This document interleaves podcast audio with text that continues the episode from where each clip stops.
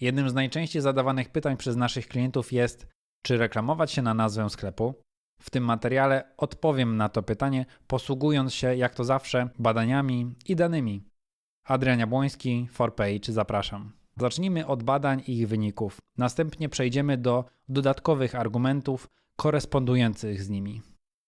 Zacznijmy od źródeł ruchu.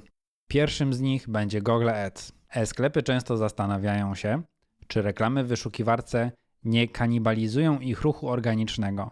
Innymi słowy, gdyby reklamy w wyszukiwarce zostały wstrzymane, czy liczba kliknięć wyników organicznych wzrosłaby i zrekompensowałaby utratę płatnego ruchu? Statystycy Google przeprowadzili ponad 400 badań dotyczących wstrzymanych kont, aby odpowiedzieć na to pytanie. Wyniki były zaskakujące. Średni odsetek dodatkowych kliknięć reklam w różnych branżach wynosi 89%. Oznacza to, że pełne 89% ruchu generowanego przez reklamy w wyszukiwarce nie jest zastępowane przez bezpłatne kliknięcia, gdy reklamy są wstrzymane. Liczba ta była wysoka we wszystkich branżach. Następnie Google przeprowadziło dodatkowe badania nad wpływem pozycji w bezpłatnych wynikach wyszukiwania na zmianę liczby kliknięć w reklamach Google Ads.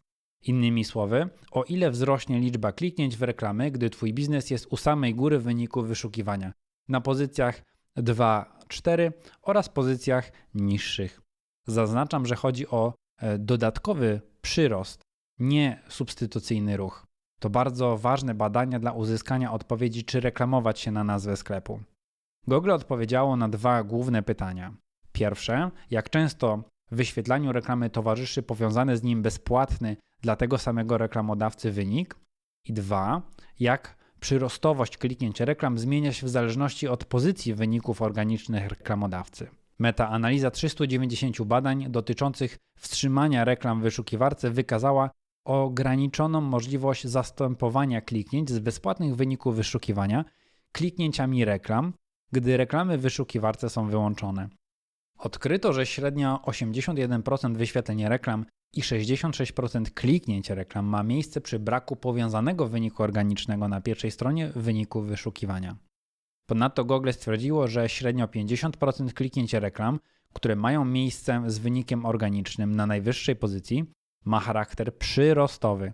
Szacunkowa średnia przyrostowość kliknięć reklam wzrasta, gdy pozycja w rankingu jest niższa. 82% kliknięć reklam jest przyrostowych, gdy powiązany bezpłatny wynik wyszukiwania znajduje się między drugą a czwartą pozycją. A 96% kliknięć reklam jest przyrostowych, gdy bezpłatny wynik reklamodawcy jest niższy niż czwarty, to jest piąty i niżej.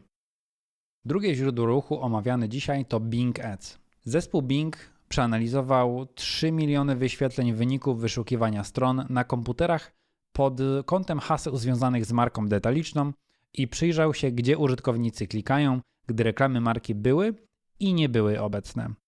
Czy kliknięcia trafiły do marki lub konkurenta i czy są dodatkowe korzyści, gdy marki są widoczne w Bing, zarówno w sekcji płatnych reklam i jednocześnie w bezpłatnych wynikach organicznych.